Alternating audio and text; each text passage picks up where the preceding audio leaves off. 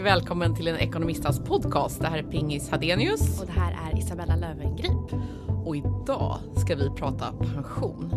Och, Stäng inte av Ja men jag skulle allihopa. precis säga det. Jag har alltså under sommaren, för jag eh, pratar mycket om pension i Almedalen och jag spelade in en annan podd faktiskt kring pension. Så jag, har tyckt att, alltså jag tycker det här ämnet är jättespännande. Mm, ja, men du och Christer ni älskar ju att prata om det här på lördagskvällarna under ett glas vin. Riktigt så är det Mm. inte. Men faktum är faktiskt en gång satt vi på ett, så här, ett café eh, en lördag. Jag vet det är fullsmockat på ett café. Och eh, vi tycker om att prata om ekonomi i allmänhet, jag och min man. Så att eh, folk omkring började skruva på sig. För att vi satt där och pratade om pension liksom. Och det såg ut som en trevlig lördagsdejt och vi var väl lite snyggt klädda och allting. Mm. Och de tänkte, vad är det där för knäppa människor? Men det var ju precis som när jag gifte mig och du hade en föreläsning om pension på mitt bröllop. Ja just det, men det var någon som avbröt ja. Jag försökte gå ut och dela ut orangea kuvert men det, blev, det blev sång istället. Det blev sångt, Ja. det blev väldigt uppskattat. Men, men helt enkelt, du älskar pension. Ja absolut. Eh, men ska vi gå in på våra lite mer, eh, lite vad som har hänt och vad som händer i omvärlden. Vad, vad, vi ser det här med trender och globalt, vad händer? Vad har du snappat upp? Att det var... Ja, det här är inte riktigt globalt. Eller vad betyder boxar? Nej men precis, kanske inte globalt en spaning men, men jag får ju varje vecka får jag väldigt mycket mail kring affärsidéer som folk har. Och um, för ungefär under ett års tid så var liksom 80% av alla de här idéerna rörde eh, boxar och prenumerationstjänster. Och jag blev så tokig på det för det var babyboxar, mammaboxar, träningsboxar, clean eating-boxar, giftermålsboxar, alltså hur mycket boxar. Hur länge ska man prenumerera på en giftermålsbox undrar man? Ja, under ett år, man förbereder sig. Okej. Och, så att jag, var, jag var ganska trött på de här boxarna för att det folk inte förstår är att det handlar inte bara om att göra en box utan det är otrolig så här, logistik bakom. Så att du kan inte utmana stora bolag som är duktiga på att jobba med postorder och har ja, men lager och kan skicka ut bra och så, här. så att den är väldigt svår. Eh, så jag har också märkt under mina år som entreprenör nu under tio år att boxarna kommer som en cykel. Alltså hela den här prenumerationstjänsten går i cykler då folk får för sig att åh vad skönt det hade varit med strumpbyxor på posten varje vecka. Och sen försvinner. Så nu handlar det om vad nästa trend blir då. Och vad tror du det är? Det handlar om hur e-handeln, när man, när, man, när man beställer hem saker, hur det kommer över tröskeln hemma. För folk älskar att beställa online men det är jäkligt jobbigt att ta sig till ett postombud. Så att få hem det är krångligt. Vi har DHL, vi har andra bolag som man måste vara hemma mellan vissa tider. De ska hänga på dörren så gör de inte det utan, utan man måste vara där och ta emot det. Så helt enkelt ett sätt som eh, blir bättre på att leverera till dörren, komma in på något sätt genom en bra låsfunktion. Eh, Så nästa steg blir hur man får hem sakerna utan att behöva gå till ett postombud. Och det får inte vara för dyrt och det måste gå jäkligt snabbt. Man kanske kan använda drönare då? Ja, det var ju något bolag som började med det. Ja, precis. Och sen såg jag Bangerhead. ja. Eh, de började ju för några veckor sedan med att eh, leverera gratis till dörren. Okej, Med en budfirma? Med en budfirma. Så, att, så att det, det händer mycket där och jag är jätteglad för det. För det är superjobbigt att behöva gå till en post. Och jag blir alltid stressad över det. där. Man får de Mm. här smsen och även fast det är ett kvarter så jag kommer alltid hem när det här postombudet är stängt och Ja. så får man påminnelser och Så jag tror faktiskt Mm. att inom ett års tid så kommer man inte gå till posten längre. nej. Mm. Eller sitt ombud. Det som också är intressant är att vissa postkontor de har ju installerat så kallade eh, provrum också. För att just det där om du beställer och, och kanske ännu mer om du är förälder och ska beställa kläder till hela familjen. Så beställer du mycket så går du till posten och så provar du allt du har fått. Så det börjar bli en sån här lite provbutik. Jag har Ja. läst om flera postombud som faktiskt har installerat provhytter. Och det är ju liksom ett ytterligare sätt att förstärka service, servicen. Så att eh, man ska inte bli eh, förvånad om man ser någon eh, stå provhytt inne på postombudet heller. Kan man tänka på. Vad har Eh. du eh, snappat upp då? Nej men jag tänkte bara ta en privat sak faktiskt. Jag, eh, för ett tag sedan så, jag skulle ut med några tjejkompisar och jag, jag ville leva som jag lär kring det här med ekonomi så att jag ville bjuda på champagne. Och då är det väldigt viktigt liksom att eh, jag ska ta den delen av notan, inte något som ska splittas liksom. Så då eh, bad jag om att eh, kyparen då ta in en flaska champagne och sen när han kommer in med ett förslag så frågar jag liksom hur dyr är den här? Är den väldigt dyr? Nej, absolut inte, säger han. Och sen när notan kommer in så kostar den här flaskan 1300 kronor. Och eh, det tycker jag var väldigt dåligt gjort.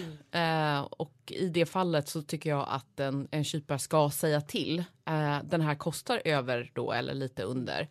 Ehm, så att i de här fallen tycker jag att man faktiskt då ska reklamera och säga. Det Jag inte blev det- inte, nej. det var inte det priset eh, som jag trodde. Och viktigt att man gör det. För att, Men eh, du, du betalade ändå hela flaskan. Eh, ja, du, du splittade inte på den.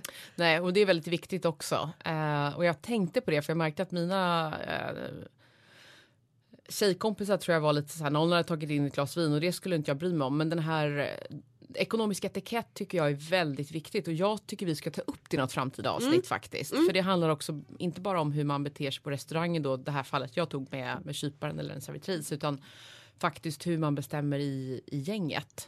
Och eh, ja, vi har många Spännande. intressanta ja, men vi stories tar ett kring helt det. poddavsnitt Mm. om det. Ekonomisk Precis. etikett. Mm. Men idag så ska vi prata om pension. Och som jag sa tidigare, det är inte så tråkigt som man tror. Nej. Och framförallt så vill jag prata om hur man ska, hur man ska maxa sin pension. För det, det, jag tror att många gör saker under, sin, under sitt liv som faktiskt förminskar ens pensionssumma rejält utan att man faktiskt riktigt har koll på, på det. Men kan inte du bara dra snabbt Pingis så, så spännande som det går hur pension Så funkar. spännande som det går. Men du började prata om det här med orangea kuverten som du då, ja, i alla fall. Och det är viktigt för alla som lyssnar att förstå vad det här orangea kuvertet är. Ett väldigt lätt sätt att förstå. Vad består pensionen av? Det är att se på pensionen som en triangel och så delar vi den i tre delar. Om vi börjar med toppen så är det den delen som kallas för allmänna pensionen. Och det är det som staten betalar in i din eh, ja, pensionskassa om vi vill kalla det så. Och varje år då så avsätter staten 18,5 procent av din pensionsgrundande inkomst. Och det är till exempel då lön och andra skattepliktiga ersättningar till den allmänna pensionen. Och där finns det ett tak så att eh, om du tjänar ungefär 37 000 kronor så är det max då eh, 18,5 procent av de 37 000. Tjänar du mer än så så blir det inte mer Nej. helt enkelt. Och därför är det ju då viktigt att jobba länge. För då Finns är... det någon lägsta gräns kring minimumpension? Nej, men det är ju det om du har väldigt dålig inkomst så kan du få en sån här så kallad garantipension. Mm, okej. Sen är det säkert många som känner till den här premiepensionen. Det här man ska då få placera själv. Och premiepensionen är en del av den här allmänna pensionen. Så jag pratar om 18,5 procent avsätts. 2,5 procent Till? Nej, Nej, av de här här. 18,5 Ja, ja. Är de man själv får bestämma över inom vissa ramar. Du vet, du kan beställa Ja, fonder och så vidare. generöst. Och det är också de här eh, premiepensionen som man också kan flytta mellan till exempel sin partner om en är mer föräldraledig eller någonting sånt. Så det här är bara toppen av triangeln och det är den här delen som kommer förtryckt i det orangea kuvertet. Ja. Så många trillar ju av stolen och bara jag har inga pengar till pensionen. Men då har man bara sett en tredjedel av triangeln. Går man vidare så får de flesta människor pension. Oftast är det för att man är då anknuten till ett kollektivavtal. Det kan vara till exempel LO eller SAF eller någonting. Och där avsätter de flesta eh, runt 4,5 procent, 4 procent av lönen i tjänstepension. Och eh, där är det också så att de flesta betalar ut tjänstepension när man kanske är någonstans från eh, det skiljer beroende på kollektivavtal då, eller överenskommelse, men någonstans mellan 25 och 30 år brukar det vara. Eh, där är den stora skillnaden när det gäller då tjänstepension att tjänar man över 37 000 kronor så brukar eh, den här avsättningen öka från upp till 37 000 får man 4,5 procent. Ja. Sen ökar det till 30 procent. Och i många jobb kan man 30 procent i tjänstepension. Ja, som man avsätter. Så att alla som tjänar då över 37 000, Mm. från 37 så avsätts det 30 procent. Ja, men nu Det får är du, väldigt nu är min mycket. matte här. Så om jag då till exempel tjänar 50 000 i månaden. Mm. På 13 000 kronor, skillnaden mellan 37 och 50, Ja. så får du 30 procents avsättning. Och från 0 till 37 000 så får du 4,5 i tjänstepension. Mm. Det blir, stor, Oftast. det blir stor skillnad. Det här är någonting man ska kolla om man har ett kollektivavtal eller om man har ett individuellt avtal. Mm. Eh, har man en vd-roll eller vd-tjänst så ligger man alltid utanför sådana här eh, generella avtal. Och då ska man ju förhandla det. Men det man framför allt ska tänka på är ju att försöka individuellt förhandla det här. Många tar ju inte tag i det alls. En ytterligare sak då man tjänar över 37 000 kronor det är att man kan be sin arbetsgivare om att sätta över mer pengar till pensionen och det kallas för löneväxling. Och det ska man ju först göra då man tjänar över 37 000 kronor för att maximera pengarna som staten avsätter. Just det. Eh, För att man ska försöka få staten att avsätta 18,5 procent av 37 000 Ja. och inte minska den, den summan. Eh, och då kan man alltså ta ut mindre i lön för att mer avsätts till sin pension. Så det kan man kanske lättast googla på vad löneväxling är. Men det är Mm. också en väldigt lätt sak att gå till sin arbetsgivare, fråga om man kan göra det. För det är ett lätt sätt att liksom öka sin pension i Och det är framtiden. inte lättare att, att bara ta ut sin vanliga lön och sen spara själv på något ISK-konto. Det kan man absolut göra. Men det som är fördelen med till exempel då löneväxling, det är ju att vi som är arbetsgivare, vi betalar ju väldigt mycket pengar i sociala avgifter och arbetsgivaravgifter. Det är väldigt stora pengar för oss. Jag Ja. sitter och gör de här inbetalningarna till Skatteverket varje månad. Det är mil- miljontals kronor. Arbetsgivaravgiften, eh, om du växlar över eh, till pensionsinbetalningar, är lägre. Ja, så, Så- du kan få ut mer eh, Ja. netto. Det är Så. lägre arbetsgivaravgift på pensionsavsättningen. Så att löneväxlingen tjänar både den anställda och arbetsgivaren på. Och många arbetsgivare är då schyssta så att de betalar, betalar upp eh, Hela, hela skatt- summan. Ja. Mm. Mm. Så det kan vara bra. Sista delen av den här triangeln då, vi hade ju velat rita. Mm. Håll i er, det kom Ja. snart. Det skulle vara kort det här. Tänk vilken lång dejt det här blir alltså. Du får inte en syl i vädret. Nej, men, och det är det här privata pensionssparandet. Och jag tycker det är viktigast för vi är ju ekonomister och liksom man ska styra sin ekonomi själv. Jag sparar 12 000 i månaden Isabella. Oj, i privat pension. Mm. Jäklar. Så du har tänkt att leva länge du? Ja, jag Ja, gör det. ja. Sen äter jag En- då en dyr spenat varje dag, ingefäran och blåbär. Så att jag ska kunna leva upp de här pengarna. Så 12 000 i månaden, låser du in de pengarna eller hamnar de på en vanlig sådär, sparkonto? Jag lägger min lånefond? fond. Så att jag, så du kan eh, nalla av dem om Jag kan vill? det, men jag har eh, eh, jag kommer inte göra det. Men Mm. det är jättebra att du eh, trycker på den punkten. För att har man beteendet att man eventuellt skulle kunna, som du säger, nalla av de här pengarna. Då måste man ju låsa in dem på något sätt. Och man kan ju välja Mm. olika sätt där. Det som jag tycker är att se upp för, det är att många av de här, vi kallar det pensionslösningarna, kostar pengar. Ja. Och det måste man se upp för. Vi, vi har ju tidigare avsnitt pratat om liksom hur man blir bedömd av banken och sådär. Och de blir ju jätteglada när du kommer och säger så här. Jag lägger bolånen här och mitt pensionssparande. För det är på sådana lösningar de tjänar pengar. Och det finns mycket dolda avgifter. Så jag säger bara, gör det absolut. Men kolla så att det inte kostar en massa pengar. För att framförallt för många kvinnor. ehm, de kanske sitter på dåliga jobb eller någonting sånt som gör att man ska pensionsspara själv. Och sen kostar det mer än vad man egentligen sparar. Men 12 och 5 000, vi förstår hur kul du kan ha nu? Men jag bara jobbar ju nära. Nej men alltså jag njuter, ju, jag njuter ju väldigt mycket av att spara. Alltså en vanlig pensionsspar, vad kan det vara? 500 till 1000 kronor i månaden? Ja. Om man då är en vanlig person med sådär, hur tycker du att man ska tänka kring sin pension? För du får ju då 18 från via ditt, eh, via ditt jobb. Mm. Och sen eh, pratar vi mycket om att man ska först bygga upp sin buffert, man ska månadsspara i kanske i fondkonto i fonder. Man ska amortera, man ska spara till sina barn. Var någonstans Var ska hittar man leva? Ja men exakt. Alltså, för jag, jag skrev något inlägg om det för ett tag sedan. Att jag, jag tycker inte, är man under 30 år så tycker inte jag att man ska ha någon större mm, sådär, eh, skräck att nu måste jag spara till pensionen. Utan det är bättre att lägga de pengarna lite mer här och nu så att du har råd att köpa din första lägenhet, en bil som ni kan åka i. Eh, ja, men helt enkelt etablera eh, ditt liv först innan pensionssparandet blir liksom number one i prio. Vad säger du? Ja, men det där är jätteviktigt att säga att, att man ska ju tänka på vilken ålder man är. Att det är mycket viktigare när du är yngre till exempel och i ditt fall med barn att ni har ett buffertsparande som ni kan använda imorgon om liksom barnen behöver någon special, eh, vad det kan vara. Eh, men det händer något. Nå- någonting händer Ja. helt enkelt. Att man har det här buffertsparandet eller man vill säga upp sig från jobbet och göra, man kanske mår jättedåligt av arbetsplatsen man befinner sig Ja. på så man kan lämna det jobbet. De sakerna är ju mycket viktigare. Men det, är- jag, liksom, vi vill trycka på att man kommer igång med sparande precis som att komma igång med lite lätt träning. Liksom. Lite sunt, alltså, det här äpplet om dagen, Ja. man får in det. Så, så, så det räcker inte tycker du att bara förlita sig på den statliga pensionen man får? Och eventuellt tjänstepension? Alltså, det, om man går in och vi kallar det för kvinnofällor så är de, om jag tittar mitt eget fall för du tycker att jag sparar mycket pengar och det gör jag. Eh, men jag tänkte aldrig på de här sakerna när jag var yngre.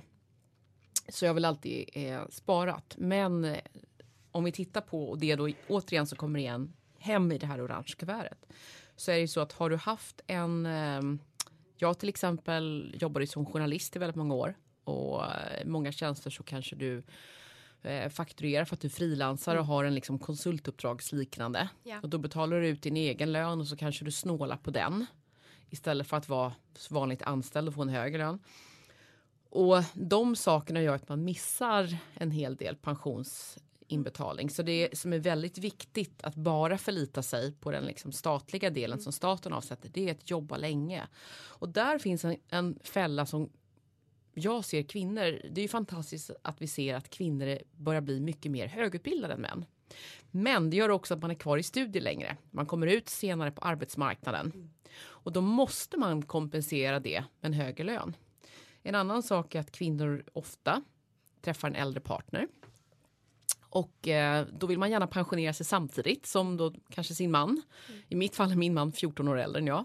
Din man är tre år äldre va? Ja. Så att jag ser på, ta min mamma till exempel.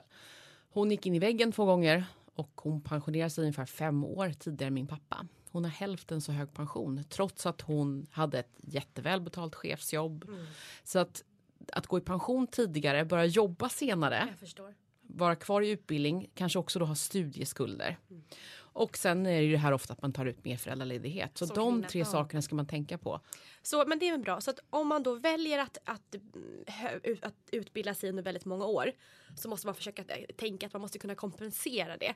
Så alternativt se till att man får ett bra, en bra lön när man väl börjar jobba eller försöka pensionsspara lite grann under tiden. Ja, för att jag till exempel är vänner som har liksom dubbla examina, liksom statsvetenskap och ekonomi till exempel och sen så tar de något eh, departementsjobb och får ingen högre lön, sitter superhögutbildade. Och det är en väldigt dum investering. Sen kanske de är jättelyckliga i det. Fine, men man måste vara medveten om att man tappar många år. Jag är glad att jag läste in min ekonomutbildning väldigt mycket snabbare. Jag var ute på arbetsmarknaden väldigt tidigt, liksom du också varit. Och det betyder jättemycket. Som avslutning skulle jag säga just att, att få koll på det här eh, så att man eh, inte liksom slänger orange kuvertet och blir rädd för att man inte har några pengar. Det är att gå in på eh, en sajt som heter Min pension. Där kan man logga in och få Den helhetsbilden. här är statlig va? Det är ingen... Ja Mm, precis. Det finns liksom ingen bank eller något som står bakom det. Så det är en, en säger man, schysst eh, sajt. Eh, där kommer inte alla uppgifter in automatiskt. Så man kan ju behöva hjälp om eh, ens eh, företaget man jobbar har någon sån här pensionsrådgivare. Ja. Kan de hjälpa till eller personalavdelningen eller något. Men då, jag, jag har ju väldigt många mammor som läser bloggen.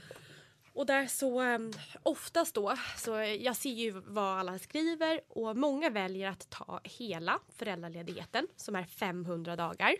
Och oftast så gör man det för att mannen har ett, eh, han är mer högavlönad så familjen förlorar mindre av att kvinnan går hem än att mannen går hem.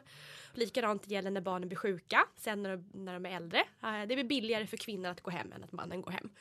Eh, så kortsiktigt så är det lönsamt för familjen. Men det här måste ju då betyda enorma det här måste betyda jättemycket för kvinnans pension sen i framtiden. Om hon är hemma i totalt tre år och vabbar eh, 60 dagar. Ja, man ska vara noggrann och skriva upp den där tiden och dagarna. Eh, lyckligtvis har jag vänner där det är tvärtom. Där till exempel det kan vara så att man är anställd på ett stort företag där man kompenserar. Så att eh, är man föräldraledig så får man inte bara 80% av lönen eller vad det är. Eh, utan de betalar upp. Ja. Och då kan det vara kvinnan som 90%. tjänar mer pengar och Ja. mannen som är hemma. Men som vi sa i början, Mm. den här delen då som, som staten avsätter Mm. av din lön, eh, alltså den allmänna pensionen. Den här delen av den, det som kallas för premiepensionen, den kan man flytta mellan föräldrarna. Och det tycker jag är en av de bästa sakerna att göra, att mannen Jätteklokt. flyttar över den. Och den är ju jättelätt den är att se. Den, Men kan man säga att blir det plus minus noll då? Om man är hemma ett år och sen så får man de här 2 procenten eller 2,5. Alltså det beror ju på vad mannen tjänar, för det är ju Mm. fortfarande då är det ju 2,5 procent liksom på vår För där vill man ju gärna räkna ut och blir det fortfarande inte jämnt då vill man ju att mannen ska lägga över eh, en, en extra summa. Alltså, Ja, som att det man, kan ju pensionsspara privat. Det är då man ska pensionsspara privat tycker jag. Och då ska den här pensionen, i vems namn ska pensionen stå i? Ja, det ska ju stå i kvinnans. Kvinnans namn. Absolut. Mm. Det är viktigt, och där kommer in på ganska, ja men det är svåra men det är så viktiga frågor som du Verkligen. säger. Och allting när det gäller pengar går ju att mäta. Mm. Så att man kan ju inte heller bara säga att det där löser vi sen. Eh, Men om jag då vill ge mina 2% 2,5% till Odd till exempel. Ja. Vad, hur gör jag det? Vart går jag någonstans? Jag skulle börja med att höra av mig till Pensionsmyndigheten. Ja. I och med att det är liksom en myndighet och man kan få rätt svar. Och sen kan man gå in och läsa på minpension.se förstås. Och då helt enkelt får jag hem en blankett där det säger att jag beviljar att 2,5% av min statliga pension går till min man på grund av att han har lägre inkomst. Jag tror du behöver inte motivera, får du flytta som du vill. Ja. Liksom. Men jag tycker det är viktigt att man gör eller att man också, som vi har en kollega nu här, han skulle flytta ihop med sin flickvän och jag var så här, ni måste skriva samboavtal för att han skulle betala för lägenheten. I alla sådana situationer, vad man än gör i relationen, så är det väldigt viktigt att ta ett hemskt exempel så separerar ju väldigt många under det första eller andra året de fått barn. Och det är ett helt år då någon kanske varit hemma och så sticker den andra med mycket mer pengar. Så att gör upp det där från början, gärna när man liksom är inne i graviditeten. Jag har ju vänner som de har inte ens pratat om hur det ska bli när barnet kommer. Nej. Och så ska det inte bli. Nej. Och tänk på att har man ehm, skrivit ner och bestämt hur man ska göra med pengarna, då har man i alla fall en mindre sak att tjafsa om. Verkligen. Försöka ha det i åtanke att livet blir lättare liksom. Och ekonomisk trygghet gör att andra saker kan bli lättare. Jag och Odd vi är ett otroligt bra team idag. Jag tror att det har med att göra att innan vi fick barn så pratade vi att vem ska vara hemma? Hur ska vi dela upp det här? Eh, vems karriär är, vad säger man, är viktigast just nu? Hur kommer det se ut om några år? Eh, så att vi, vi hade verkligen en plan. Vi har äktenskapsförord, testamente. Ehm, och för många tycker att det är oromantiskt men för mig är det romantiskt. Det handlar om, om att man bryr sig om, om sin familj långsiktigt. Och om vi någon dag skulle separera så har vi ändå gjort klart allting som har med ekonomi att göra. Det känns jätteskönt. Nej, men det är ju väldigt, väldigt viktigt för någon kanske vill vara mer hemma än andra. Eller det passar Oftast är det ju sätt. så, absolut. Någon tycker någons jobb är roligare så passar man på att vara hemma för att, för att man inte trivs eller något. Men som sagt, så att en, en som lyssnar där ute, det är okej att vara hemma om man vill. Men se till att det blir jämnt fördelat med, med pension. Att flytta över de här 2,5 procent eller skapa ett privat spa- pensionssparande utöver det som står i ditt namn om det är du som är hemma. Hur tänker du då kring pension som ändå fortfarande är så ung? Jag har inte börjat pensionsspara. Eh, något, eh, jag tror att, ja, men jag, eller, innan eh, det, det kommer ju en ny lag då. Så att eh, förut så kunde man spara 12 000 i månaden Mm. så det är skattefritt. Och nu så var det mycket mindre. Så då drog jag ner på den. Alltså jag sparar så mycket så som det är lönsamt för mig. Ja, ja, den avdragsrätten ja, per år. Ja, Mm. men utöver det så har jag inget vidare sparande. Men jag är ganska trygg i att jag ändå har eh, 11 år med inkomst bakom mig. Och eh, sen så ser jag lite grann som mitt, eh, mitt egna bolag Löwengrip Invest. Det är lite min sådär, pensionssparkonto i framtiden. För det är bara jag som äger de pengarna och eh, jag har nog tänkt att, det, att eh, jag kan nog ta av dem när jag blir äldre. Eh, jag är en sån här person som, eh, som tänker rätt mycket positivt. Så jag, jag tänker här, ah, det löser sig. Jag kommer tjäna mycket pengar under åren så då kan jag sätta av i framtiden. Så nej, som jag just nu så... så... Nej, som jag just nu så eh, har vi lagt pengarna på andra typer av sparande. Men eh, ju äldre jag blir så blir det viktigare. Det är jätteintressant att du tar upp det här med att du har eh, dina bolag. Och de går ju verkligen bra. Men det är också skrämmande till er som är företagare som lyssnar att företagare med anställda, de sparar mer till pension. Och då tror jag också att det blir att de anställda trycker på. Ja. Mm. Ehm, men det är ungefär 25 procent av företagarna i Sverige som inte sparar till sin pension. Och man ser liksom bara det själva bolaget som en buffert. Och det, är lite, det kan också vara lite farligt om det händer absolut. någonting. Självklart. Och eh, en ny sak som faktiskt finns för företagare det heter direktpension. Och man kan ta ut eh, den tidigare, alltså det är inte bara vid 55. Och det är också pengar som kan återföras till bolaget. För man kan ju tycka att det är läskigt att sätta av pengar till pension som låses in. Jaha. Och tänker man vill expandera eller Ja någonting. men precis. Så man kan så att säga återskapa pensionskapitalet. Så är du företagare så googla på direktpension. Ja, vad spännande. Eh, Jättespännande. vi får tacka Johan på Nordenhem som har tipsat, om, tipsat oss om det. Ja. Det här var ett jättebra ämne tycker jag. Just för att det är det, här, det har verkligen blivit att man bara tycker att det är usch, tråkigt, långt bort och pension och man kräks när man hör det. Men ändå försöka tänka att vi, många av oss kommer att leva upp tills vi är liksom 95 och 100 år. Och vi må, då måste man ha en plan för när man fyller 60 och uppåt. Mm. Och sist men inte minst också Förut så var, fanns ju en, en avdragsgill del som privatperson. Fortfarande avdragsgillt som företagare. Så du kan ju också titta på kanske kan starta företag för att få lite bättre pension. Glöm inte gå in på minpension.se. Eh, förstå att det orangea kuvertet till en början är en tredjedel av den här pensionspyramiden. Det är din liksom, allmänna pension, det är din tjänstepension och din privata pension. Och eh, kanske testa som vi gör, att faktiskt här, boka en pensionslunch, pensionskaffe. Med gott kaffe kan det faktiskt bli okej. Ja, eh, men... Ja, men väldigt- bra, bra samtal. Men jag känner att vi, det blir lite låg energi. Vi måste liksom peppa personen lite mer.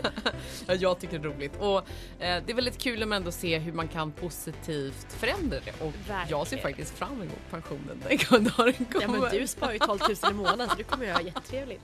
Precis. Ja, så älskar jag jobb också. Ja, men vad kul att ni lyssnade. Det här är så roligt. Jättekul. Vi hörs snart. Ha det så bra. Hej då!